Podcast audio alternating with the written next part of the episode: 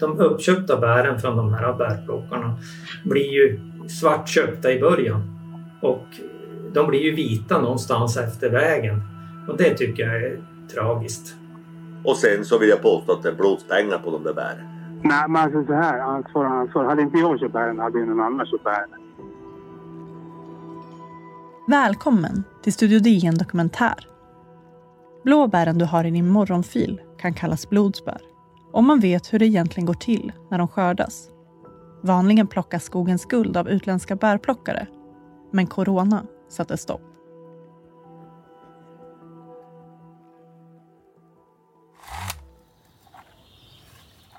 Den gröna skogsdungen svämmar över av blåbär utanför Stora Coop i Umeå. Blåbärsriset är mer blått än grönt. Det är det bästa året på decennier för svenska blåbär. Blåbären täcker 17 procent av Sveriges yta. Efter att bären i princip torkat bort i skogen två år i rad gapade krisande bärbolags frysar tomma. Utländska gästarbetare från några av världens fattigaste provinser stod som vanligt redo att plocka. Sen svenskar för länge sedan slutat med det. Det var upplagt för klirr i kassan. Då kom pandemin. I slutet av maj rapporterade University of Oxford att Sverige hade världens högsta dödstal i covid-19 per miljon invånare. Då beslöt Thailands arbetsmarknadsdepartement att förbjuda bärplockare att åka till Sverige. The Thai government they are afraid about covid-19. Branschen är beroende av fattiga risbönder från nordöstra Thailand varifrån åtta av tio bärplockare kommer. I ett egenhändigt byggt litet trerumshus på pålar 800 mil bort satt samtidigt 49-årige risbonden Saad Kama. Han var rädd för att få covid-19. Han var rädd för att hela hans by i nordöstra Thailand skulle se snett på honom om han åkte. Ändå ringde han sina kontakter i Bangkok. Fick han komma till Sverige och plocka blåbär i år. Svenska blåbär är bland de allra bästa i världen när det gäller antioxidanter, alltså, de, alltså att de är allra nyttigast. Jag heter Jonas Fröberg och är reporter på Dagens Nyheter. Det är extremt lite som plockas. Ungefär 4 procent av det som finns plockas. Vi har 600 000 ton blåbär eh, finns det ute i skogarna, men vi plockar bara 35 000 ton. Det här är ju en råvara som går, den finns ju bara här eh, och ändå tar vi inte vara på den. Samtidigt som blåbären svämmar över skogen invid Stora Coop i Umeå kommer de färska blåbären i butikens kyldiskar från Portugal och Polen. De frysta importeras från Chile, även om frysta bär från Sverige också finns här. En uppsjö färska fruktjuicer står uppradade, men ingen färsk blåbärsjuice från Sverige. Torkade blåbär, en gång en svensk storindustri med uppemot 30 torkanläggningar bara i Västerbotten, kommer från Chile. I Sverige tycker man att det här är någonting som thailändare och eh, ukrainare, det här liksom, bären är inte någonting som man ser som, som eh, någonting värdefullt.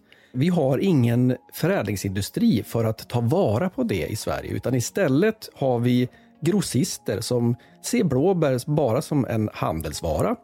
De är några få, de tjänar stora pengar på det här, sitter på en gren väldigt stadigt och har noll intresse av att eh, göra någonting annat än att tjäna pengar. På midsommaraftonen 2020 dansade svenskarna coronasäkert runt midsommarstänger. Bärbranschen höll andan. Juli blev en kamp mot klockan. Branschen önskade 7 000 thailändska plockare för att möta behoven. Hårda förhandlingar med den thailändska regeringen landade i att inte ens hälften kunde komma. Plötsligt hade de fattiga gästarbetarna kunnat ställa krav. Globaliseringens rangordning hade vänts upp och ner.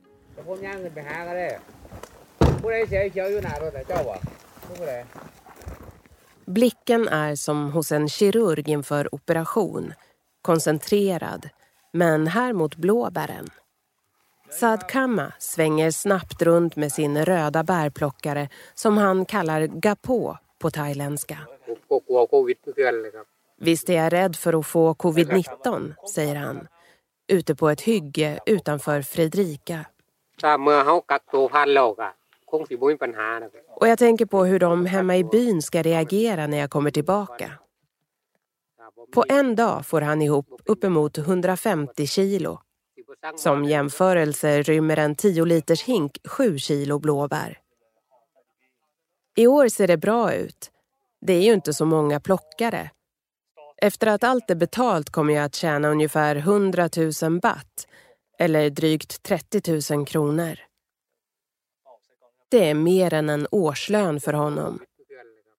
Han får något grötigt i halsen och ansiktet spricker upp i ett leende när han pratar om sin 20-årige son Itepon. Han går på Tekniska universitetet i provinshuvudstaden Chaipun.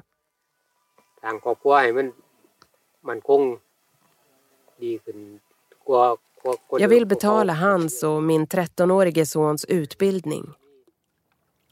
Bakom hygget breder sjön Ottervattnets blå vatten ut sig. Saad Kamma vrider sina händer och berättar hur han de första åren för runt 15 år sedan hamnade i klorna hos en bärmadam, en thailändsk kvinna. Vissa år förlorade jag pengar efter att ha jobbat 12 timmar om dagen i två månader. Då fanns inga garantier. Nu har han en garantilön och kan inte gå back, säger han.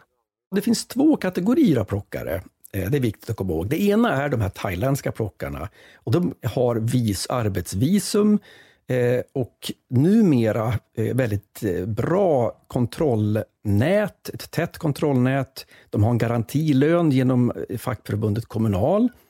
Ehm, sen har det, sen får, det finns eh, ruffel och båg där fortfarande, men tidigare har de blivit jättelurade vissa år, att de, de, inte hade garantier och kom hit och de belånar väldigt mycket och, och sådär.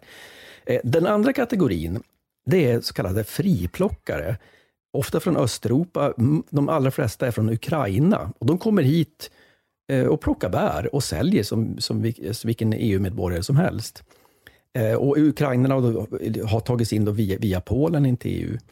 Ehm, men det, där finns det också väldigt mycket ruffel och båg, att det finns någon som organiserar Um, inte sällan det här i bakgrunden och, och, det är olagligt och det är dåliga villkor och, för mm. de som faktiskt plockar och så vidare. Så det är en det är och det har framförallt varit en riktigt um, dirty business.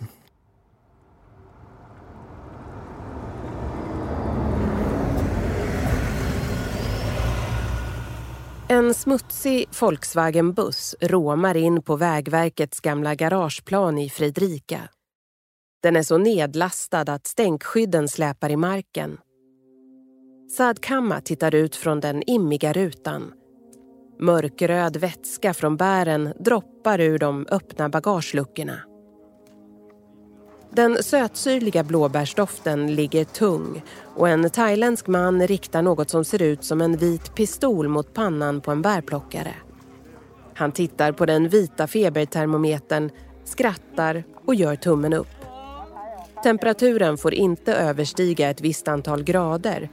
Då sätts plockare i karantän en vecka. När plockarna kommer hem från skogen efter 14 timmars dagar lever de isolerade.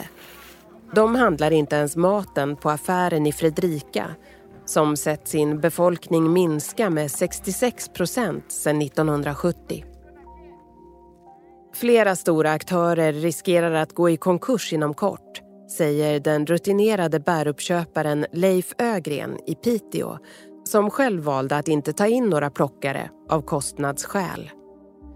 Den 64-åriga bäruppköparen med 40 år i branschen berättar att stora grossisten Blåtands förväntade 500 plockare blev noll. Sveriges näst största grossist Polarica önskade 1150 plockare från Thailand men fick bara en tiondel, runt 150 personer.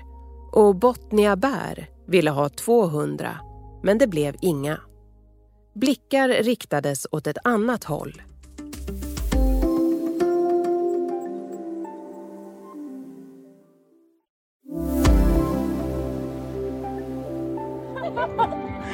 Men hur har du haft råd med det här, du som aldrig haft ett jobb? Jo, men jag har ju varit och plockat bär i skogen och sålt åt Bullbysjön. Den svenska arbetslösheten hade ökat från 6,9 till 8,9 procent i juli jämfört med juli förra året på grund av coronakrisen. Skatteverket påminde nästan desperat i ett pressmeddelande att vi alla får plocka bär för 12 500 kronor utan att betala skatt. När klockan slår 17 står bäruppköparen Kristina Feldczak redo för att ta emot bär i ett vitt tält på grusplanen bakom sin egen mataffär i byn. Hennes och sambons företag har gått back de senaste två åren som var dåliga bärår. Nu hoppas de på svenskarna. 90 procent av deras plockare kom ju från andra länder normalt. Men i år, på grund av coronan, så kom ju väldigt få. Och då fick de pengar, 150 000 av Region Västerbotten, att göra en liten reklamfilm. Att då locka återigen svenskar att, att plocka bär. De tyckte det var ganska kul grej. Men eh, det, det är inte varje gång kanske de ska gå till skogen. Men de kommer ändra sina åsikter. Att bärplockningen betyder inte att det är slitarbete. Man kan ha också kul i skogen. Och det alla, de flesta behöver liksom komma ut och må bra. Det man ska komma ihåg här också, att, att plocka bär är ett, ett, ett, ett väldigt jobbigt. Men de här thailändska plockarna som kommer, de går ju upp klockan fyra på morgonen. De är ute kanske 10-12 timmar och plockar i år upp mot 200 kilo om dagen. Men då har de en lön också då på eh, garantilön på 22 000. Och alla jag pratar med nu säger att det är inga svenskar eh, som, plockar för, alltså som vill plocka för det. Blåljusen pulserar i det fallande ljuset. Brandbilen gör en kraftig gir in på torget i norrbottniska Vidsel med 500 invånare som är Älvsbyns kommuns näst största ort som tappat 44 procent av befolkningen sedan 1970.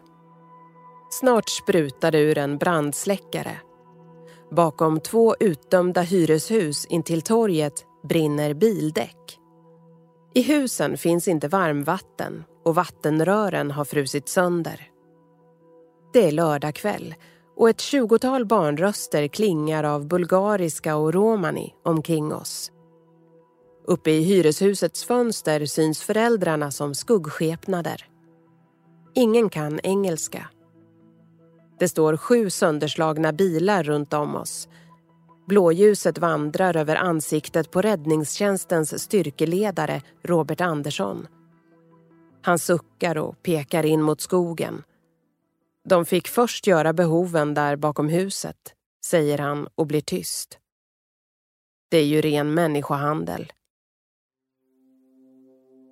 Sedan slutet av juli har de runt hundra bulgariska bärplockarna bott i det utdömda huset i Vidsel.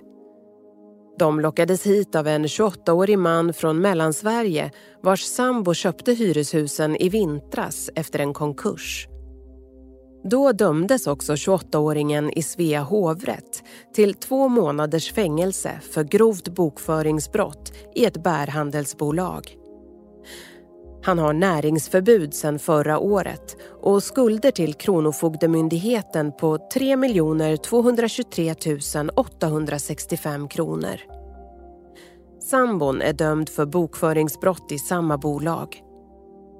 Enligt Älvsbyns kommun finns stora brister i bland annat hygien och brandsäkerhet och har utdömt vite på en miljon kronor till de två ekobrottsdömda. Samtidigt har fyra av bärplockarna anhållits för stölder.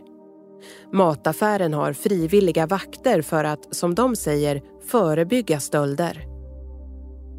Leif Ögren har själv tidigare ägt husen i ett bolag som gjort konkurs. Ja, det är katastrof. Om vi börjar med det. Ordet katastrof. Nästan ett krigstillstånd. Och sen så vill jag påstå att det är blodspengar på de där bären. Alltså det är ett ett utnyttjande av som jag aldrig har sett under min, mina 40 år i bärbranschen. Aldrig sett det. Den som uh, har tagit hit de här och påstår sig att han inte har gjort det men det, det är ju uppenbart att det är planerat det här.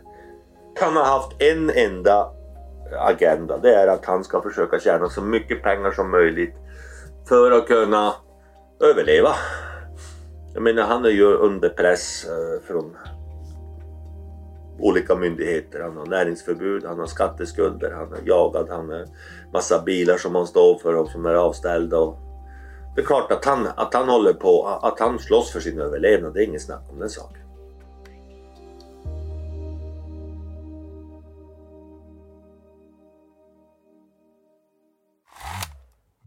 Efter all uppståndelse och polispatrullering har den ekobrottsdömde sagt till Aftonbladet att han bara vill att bärplockarna skulle åka därifrån. Att de blivit ett problem. En man möter oss med uppdragna axlar.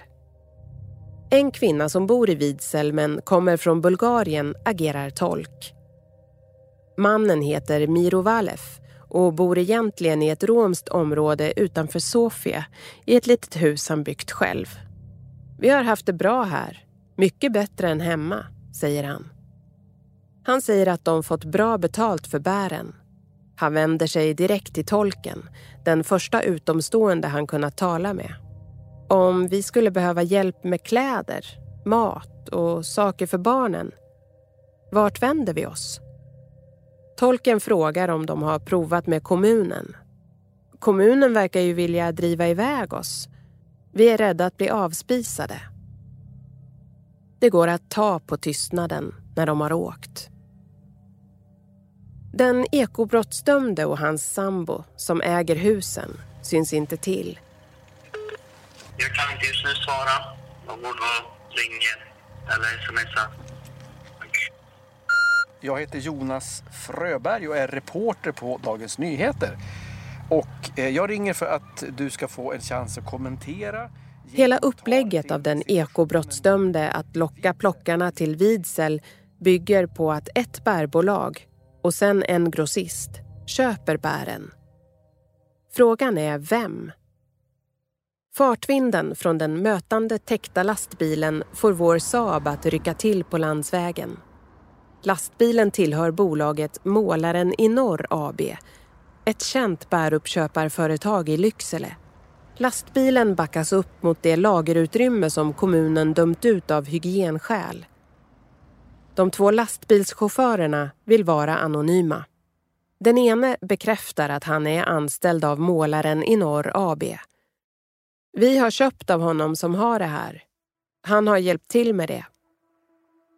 Älvsbyns kommunalråd Thomas Egmark, S, reagerar starkt. Situationen i Vidsel är ju fruktansvärt olycklig och jag är ju... Jag blir rent förbannad hur man kan utnyttja folk och fattiga människor som man lurar upp i, till bärplockning och sätter dem i förfallna, rivningsbara hus nästan. Det är hemskt. Sen att det drabbar Vidsel som ort är ju ännu mer värre för dem. För Vidselborna alltså. De är otrygg, otryggheten i Vidsel är ganska stor. Han gör en paus. De uppköpta bären från de här bärplockarna blir ju, är ju svarta, svartköpta i början. Och de blir ju vita någonstans efter vägen. Och det tycker jag är tragiskt.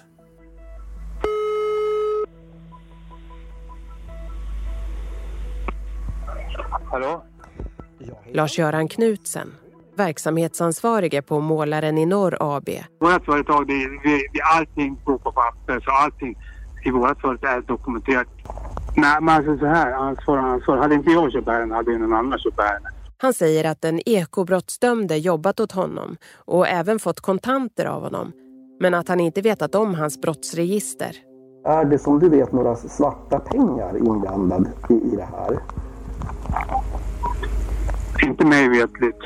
Vilka säljer ni till sen i, i sin tur då? Ja, det är ju affärshemligheter. Det kan jag inte gå ut med till, till någon. Det är ingen som gör det.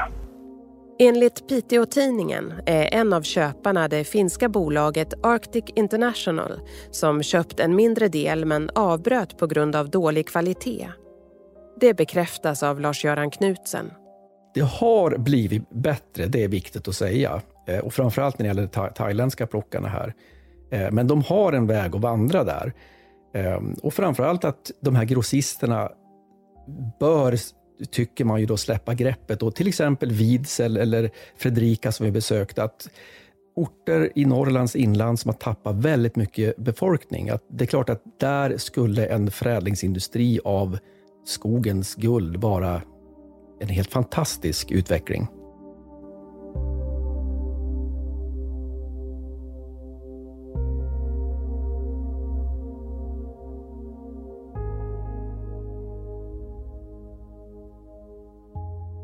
Här avsnittet har producerats av mig, Madeleine Longo.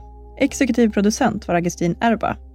De medverkande var thailändska bärplockaren Sad Kama, bäruppköparen Leif Ögren, egenföretagaren Kristina Felczak i Hällnäs, Älvsbyns kommuns kommunalråd Thomas Egmark samt verksamhetsansvariga i Målaren i Norr AB, Lars-Göran Knutsen. Klippen från tidigare Studio DN var producerade av Sabina Marmulakai och Lasse Bengtsson hade intervjuat Dagens Nyheters reporter Jonas Fröberg. Berättarrösten var Susanna Levenhaupt från Beppo ljudproduktion och ljudtekniker var Patrik Miesenberger. Texten har skrivits av Jonas Fröberg, som är reporter på DN, och Alexander Mahmoud var fotograf.